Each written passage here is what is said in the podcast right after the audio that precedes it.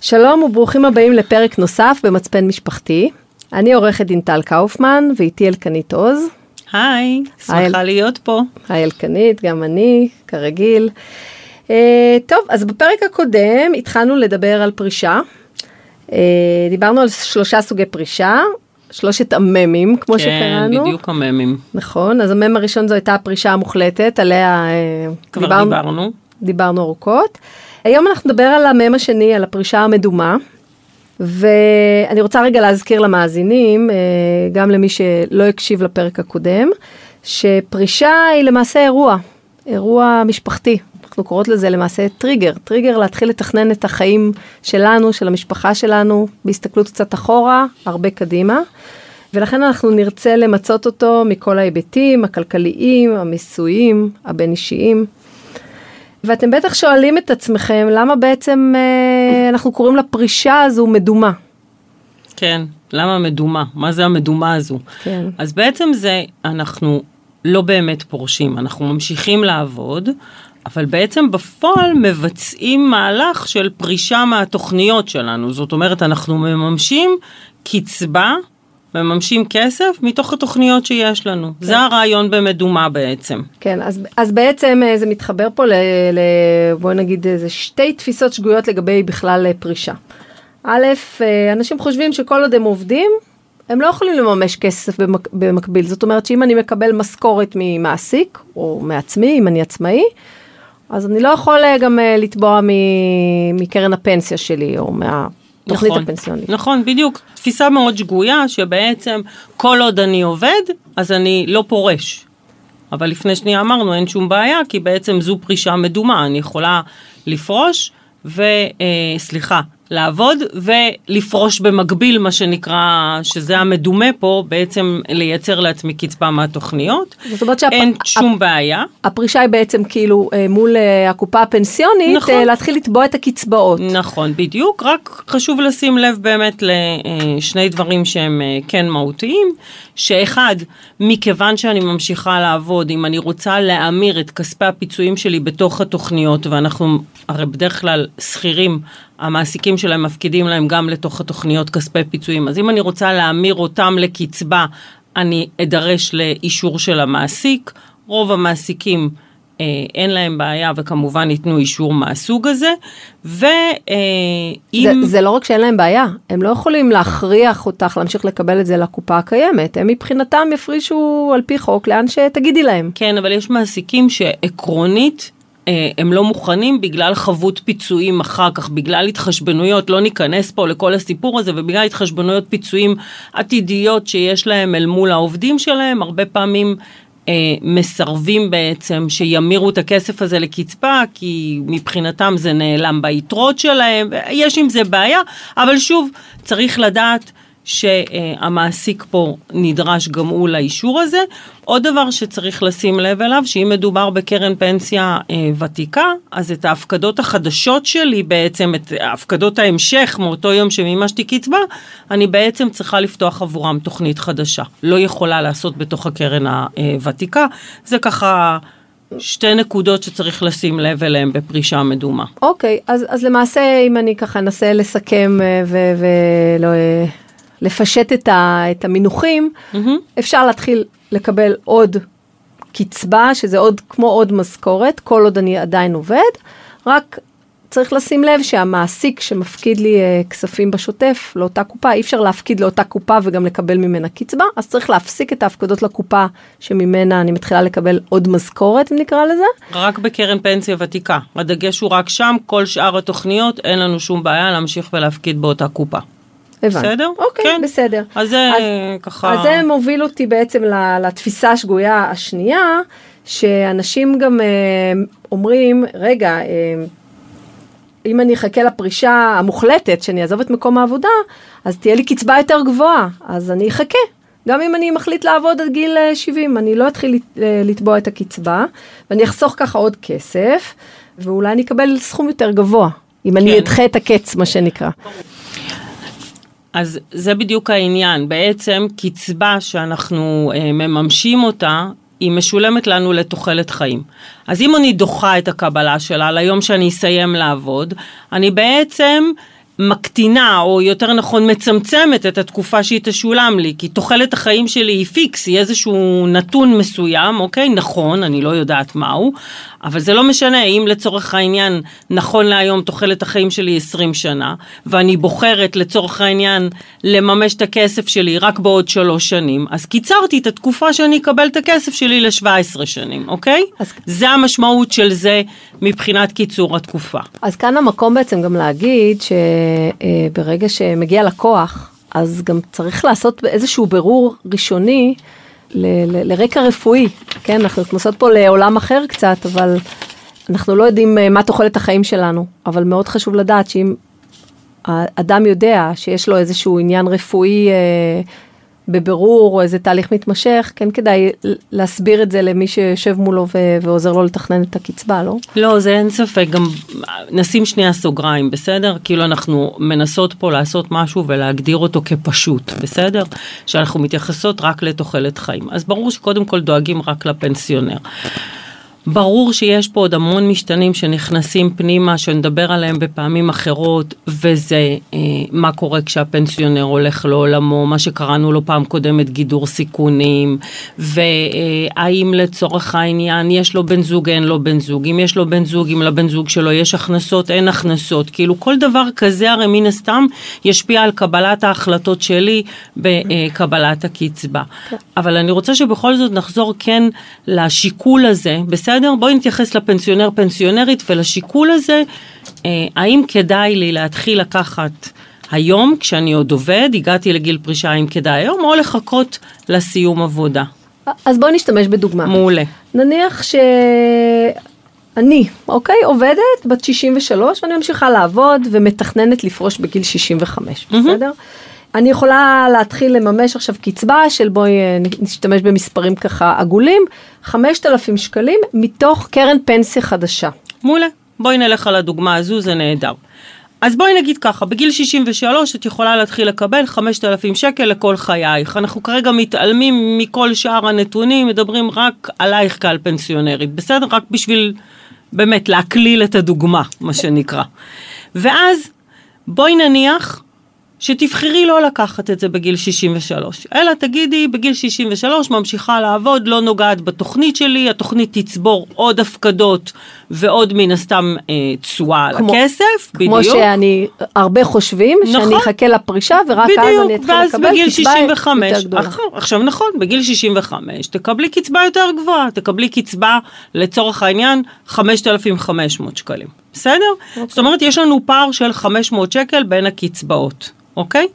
אבל עכשיו נשאלת השאלה, בעצם, אם היית מתחילה לקבל היום, אז בשנתיים האלה היית מקבלת עוד 120 אלף שקל שהיו נכנסים לחשבון הבנק שלך, היית עושה איתם מה שאת רוצה לצורך העניין, מן הסתם גם אה, משקיעה אותם או כל דבר אחר, אל מול העובדה שבפועל את תחכי תוותרי על ה-120 אלף שקל האלה, ומגיל 65 תקבלי לצורך העניין לתוחלת החיים שלך 500 שקל קצבה יותר. אוקיי. דרך אגב, אם אז יש פה איזה נקודת איזון שצריך לחשב בדיוק, אותה. בדיוק, נכון. עם נעלם גדול של באמת תוחלת חיים. נכון. אז עוד פעם, תראו, בסוף אה, אה, אנחנו, ברור שכולנו מעריכים מה תהיה תוחלת החיים, ו, ומאוד קשה לדעת, בסדר, אבל יש, יש הלשכה המרכזית לסטטיסטיקה, יש טבלאות שמדברות על תוחלת חיים, וסביר להניח שאנחנו נמצאים איפשהו בטבלאות האלה.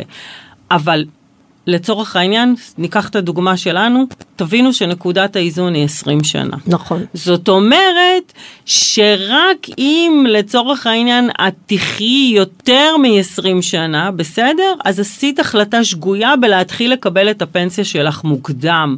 אתם מבינים איזה פער מטורף? 20 שנה בסך הכל זה המון זמן. וש, אז, ושלא אז... לדבר על זה שזה סכומים נומינליים. נכון. כל עוד זה בתוך קרן הפנסיה, אין לי שליטה על אה, איך ה-500 שקלים האלה בחודש גדלים. מושקעים או, או, או מושקעים. ש, שלא כן. לדבר על זה שגם בואי, לקחת את הכסף, הוא היה אצלך, השקעת אותו, עשית איתו כל מיני דברים, זאת אומרת, בעצם אנחנו בכלל לא מתרגמים את זה, אוקיי? אנחנו מדברים על באמת נקודת איזון אה, נומינלית.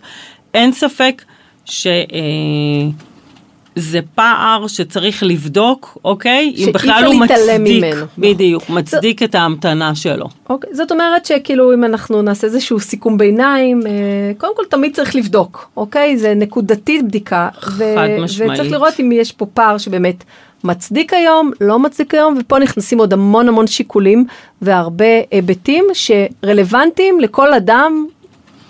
חד משמעית, ואני אהיה- קצת יותר נחרצת ממך במקרה הזה, שברוב המקרים, בסדר? באמת ברוב המקרים, ממש ממש משתלם כשהגענו לגיל הפרישה, גם אם אנחנו ממשיכים לעבוד, גם אם נשלם לצורך העניין מס על הקצבה שאנחנו נקבל, כדאי להתחיל לקבל את הקצבה שלנו מוקדם. כסף שבו חסכנו כל כך הרבה שנים בשביל ליהנות ממנו. אז, אז בואי באמת אה, נדבר, אה, אנשים אומרים, את אמרת קודם אה, להתחיל לקבל קצבה גם אם נשלם עליה מס, אז אנשים אומרים, אבל תגדילי את המס, את שיעור המס, כי אני מקבל עוד משכורת, אני מגדיל את ההכנסה שלי.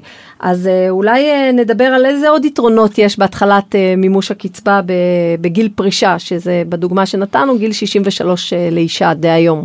כן, אז אה, גם דיברנו על זה בפעם הקודמת בעצם, לא, לא נחזור ונלאה אתכם בכל הסיפור הזה, נקדיש באמת לנושא של המיסוי אה, פרק בפני עצמו, אבל כל העולם הזה של פרישה, אדם שהגיע לגיל פרישה, בין אם הוא ממשיך לעבוד או לא, מגיע לו בעצם סל של פטורים. ולצורך העניין, אני יכולה ליהנות גם עכשיו מסל הפטורים הזה. גם אוקיי? בפרישה המדומה, גם ברור. כשאני ממשיכה ועובדת. חד משמעית, כי הגעתי לגיל שבו מגיעות לי ההטבות האלה, ואף אחד לא שואל כרגע אם אני התחלתי לממש קצבה, אם אני עובדת או לא עובדת, אוקיי? אלא לצורך העניין זה מגיע לי. נניח שהחלטתי לממש את כל ההטבה שמגיעה לי על הקצבה שלי, בסדר? ולצורך העניין, סתם, אני מממשת קצבה של 4,000 שקל, אני יכולה לדאוג שכל הקצבה הזו תהיה פטורה ממס, למשל. זאת אומרת שהיא אפילו לא תחושב לי כחלק מההכנסה שלי. עכשיו, ברור שבקצבאות גבוהות יותר, חלק יהיה פטור, חלק יהיה חייב, אבל עדיין אני יכולה ליהנות מפטור על הקצבה. אז זה אותו הליך שגם הזכרנו אותו בפרק הקודם, שנקרא קיבוע זכויות. נכון. אותו תהליך שעושים בעצם בהגעה לגיל הזכאות, אותו גיל שאפשר להתחיל אה, לנצל את סל הפטורים. ופה חשוב להדגיש בעצם שזה, את קיבוע הזכויות אפשר להגיע, אה, לעשות בהגיענו לגיל הספציפי הזה, וזה מתחבר גם לפרישה מדומה. שוב, לא חייבים להפסיק לעבוד, לעשות פרישה, עזיבת עבודה מוחלטת, כדי לעשות את הליך קיבוע הזכויות. אבל יש בו בעצם אתגרים אה, אה, בקיבוע הזכויות. כן, יש פה אתגרים, בדיוק, יש, יש פה אתגרים בגלל שבעצם זה לא פרישה מוחלטת. בפרישה מוחלטת אני יודעת בדיוק איזה מענקים או פיצויים אני מקבלת מהמעסיק, אני בעצם התמונה היא תמונה מלאה. פה בפרישה מדומה יכול להיות שאני זכאית למענקים, אבל הם יגיעו רק ביום שאני אעזוב את המעסיק, ואני חייבת לקחת אותם בחשבון היום כשאני עושה אה, קיבוע, אוקיי? אני צריכה לקחת בחשבון שאני אמשיך הלאה להפקיד ויהיו לי עוד כספים שייווצרו לי בתוכניות כתוצאה מהפקדות אחרי הפרישה הזו. אני צריכה להחליט מה איתם אני עושה. בעצם יש פה... אני צריכה לראות את התמונה המלאה, גם העתידית, ולקחת אותה בחשבון בתוך הקיבוע היום. זה עדיין לא אומר שהאתגר הזה הוא לא אפשרי. זאת אומרת אוקיי? ש- שתהליך קיבוע זכויות, אותו עמוד אה, מסכן ותמים שמגישים למס הכנסה, מגלם בתוכו המון המון שאלות שאנחנו כמתכננות פרישה שואלות את הלקוח כדי לדעת איך, אה, מה לכתוב בסוף בעמודון נכון. הזה. איך, איך לעשות את זה באופן המיטבי ללקוח. גם יש פה כל מיני שיקולים שצריך לקחת. דרך אגב, כאילו, איפה אנחנו רוצים את הפטור? האם אנחנו רוצים לשריין פטור? איך בעצם אנחנו מסתכלים על כל החלק הרחב הזה? זה, זה בעצם הרעיון פה בתכנון, לראות תמונה כולל תמונה עתידית. אז אה, אלקנית, אולי אה, באמת אה, תתני עוד כמה דוגמאות לסוגי תוכניות, תוכניות פנסיוניות, איך הם משפיעים על קבלת ההחלטות, על תהליך קבלת ההחלטות לצורך הקיבוע ולצורך תביעת הקצבה. דיברנו עד עכשיו על קרן פנסיה ותיקה. צוב- לא, על דיברנו החדשה, ה- כן, סליחה, דיברנו כן. על הצוברת, על החדשה, זה היה דוגמת ה-63, כן. אני פורשת רק עוד שנתיים. אה, וגם הזכרת באמת את הוותיקה, אבל אה, בואי אה, ככה אולי קצת ניתן למאזינים עוד כמה היבטים או שאלות כן. שקשורות אז לתוכניות. בואו ניקח מדומה, בסדר? פרישה מדומה, ניקח שני אנשים, אחד מגיע עם קרן פנסיה ותיקה, אוקיי? והשני מגיע עם אה, פוליסת ביטוח, פוליסת ביטוח מנהלים, מה שאתם מכירים, גם היא ותיקה. האם יש שוני בהסתכלות שלנו מבחינת התוכנית על אופן מימוש הכסף? התשובה היא כן. כי סתם לדוגמה, בואו ניקח קרן פנסיה ותיקה. יש לו קרן פנסיה מקפת, אוקיי? כולם מכירים מקפת. אז במקרה של מקפת, הוא קודם כל צריך לממש את כל הכסף כיחידה אחת. זאת אומרת, אין לי דרך בקרן ותיקה להגיד את הפיצויים אני רוצה לקבל בסכום חד פעמי ואת התגמולים תשלמו לי כקצבה, אלא בעצם כל הכסף שיש בקופה הוא קצבה. אם אני אבחר למשוך כסף בסכום חד פעמי, אני מאבדת זכויות לקצבה, אז זה חשוב להדגיש. יש לי מצד שני אופציה להוון בקרן פנסיה אה, ותיקה, אני צריכה לעשות שיקול אם זה כדאי לי או לא כדאי לי. להוון, רק כאילו, נזכיר, זה לקחת זהו. חלק מה... מהסכום שנצבר כסכום חד פעמי, ואז נכון. כמובן זה בא לחשבון אה, גובה הקצבה החודשית, אבל נכון, יש- אבל יכול להיות, כמו שפעם קודמת אמרנו, מטעמים אפילו של גידור סיכונים, אפרופו בן זוג. רווק, גרוש, בדיוק, כן, אלמן, אלמנה, שמגיעים לגיל פרישה ואין אחריהם אה, הורשה, אז בהחלט אה, גידור הסיכון. אה, ואני צריכה לקחת בחשבון שכל כסף חדש בעצם אני אצטרך להפקיד בקופה חדשה. כי זו הפרישה המדומה ואני ממשיכה לעבוד. בדיוק זה, אה, וגם צורך. יכול להיות שעוד יש לי מענקים שאני צפויה לקבל מתוך הקרן הזו, דרך אגב, הקרן הוותיקה, בגלל שהיה לי, אה, אה, הפקדתי לשם יותר מ-35 שנות ותק, שגם זה מזכה אותי בעצם בעודף, כי אני לא מקבלת על זה פנסיה. אז יש פה בעצם מכלול שלם שאני צריכה להתייחס אליו בפורמט מסוים. אבל בואו ניקח את אותו אדם, שבעצם הגיע לפרישה עכשיו, אוקיי? שוב, אותה פרישה מדומה, אבל הפעם יש לו פוליסת ביטוח. פוליסת ביטוח מנהלים ישנה, נניח משנת 89, אוקיי? ששם יש לו את, את המקדם המובטח, שאנשים יודעים אה, להגיד את, ה, את המינוח הזה, כן. רק יודעים להגיד, יש לך מקדם מובטח, אל תיגע בפוליסה הזו. בדיוק. אבל יותר מזה הם לא יודעים מה להגיד, אז, אז בואי, אה, כן. דרך הדוגמה תסבירי. אה, אז, אז קודם כל נתחיל בזה שלעניין פה, רגע לפני המקדם המובטח, לעניין פה, בפוליסה אני יכולה דרך אגב לבח- לבחור איזה כסף אני הופכת לקצבה. לא חייבת להפוך את הכל, יכולה להפוך חלק, וזה דרך אגב, לפעמים בפרישה מדומה זה דווקא לא רע בכלל להתחיל מחלק מהכסף להמיר אותו לקצבה, את החלק שאני יודעת בוודאות. שהוא הכי כלכלי לי להפוך לקצבה, ולהשאיר חלק אחר ולקבל החלטה בשלב מאוחר יותר, זה גם אופציונלי. אני בעצם משתמשת בשתי טכניקות, האחת, כמו שאמרתי קודם, שכלכלית זה כדאי לי להתחיל לממש את הקצבה, השנייה היא אה, אולי כסף שאני אוכל אחר כך, דרך אגב, לא להוציא אותו בקצבה, כקצבה. אלא חד פעמי בכלל. כסף ישן שהופקד אולי לפני שנות נכון, האלפיים. שבכלל תקנות מס הכנסה מאפשרות לי למשוך אותו בסכום חד פעמי פטור ממס, אז למה להמר עכשיו? אולי שווה לי בכלל לחכות עם זה ולקבל את ההחלטה. ז- זאת אומרת ש, שעל, על, הכ- רק להגיד איזה משפט על זה, את הכסף החד פעמי הזה, הוותיק שהופקד אה, כהון, אה, שאין עליו מס, לעומת אה, אותו סכום שאמרנו החד פעמי מהקופות הוותיקות שעושים את התהליך של ההיוון, אז ההיוון בעצם אוכל לנו, נקרא לזה בסלנג, אה, חלק מהפטור. נכון. במסגרת הקיבוע. את הכסף החד פעמי הזה של הקופות, של התוכניות ביטוח מנהלים הוותיקות, לא צריך לעבור דרך מס הכנסה, זה לא לוקח מהפטור. נכון, אז אה, בהחלט שיקול שאני ארצה להפעיל, האם בכלל אני צריכה עוד קצבה, רוצה עוד קצבה, זה נכון לי לקבל עוד קצבה מהכסף הזה, יכול להיות שקצבה מהכסף הזה תיפול כן תחת מיסוי, אז בכלל שווה לי לקחת את הכסף הזה בפטור. בקיצור, אתם מבינים למה זה כל כך חשוב בחלק הזה להבין איזה כסף יש לי בתוכנית הזו ואיך אני יכולה בעצם אה, לנתב אותו למה שאני רוצה ומתאים אה, עבורי.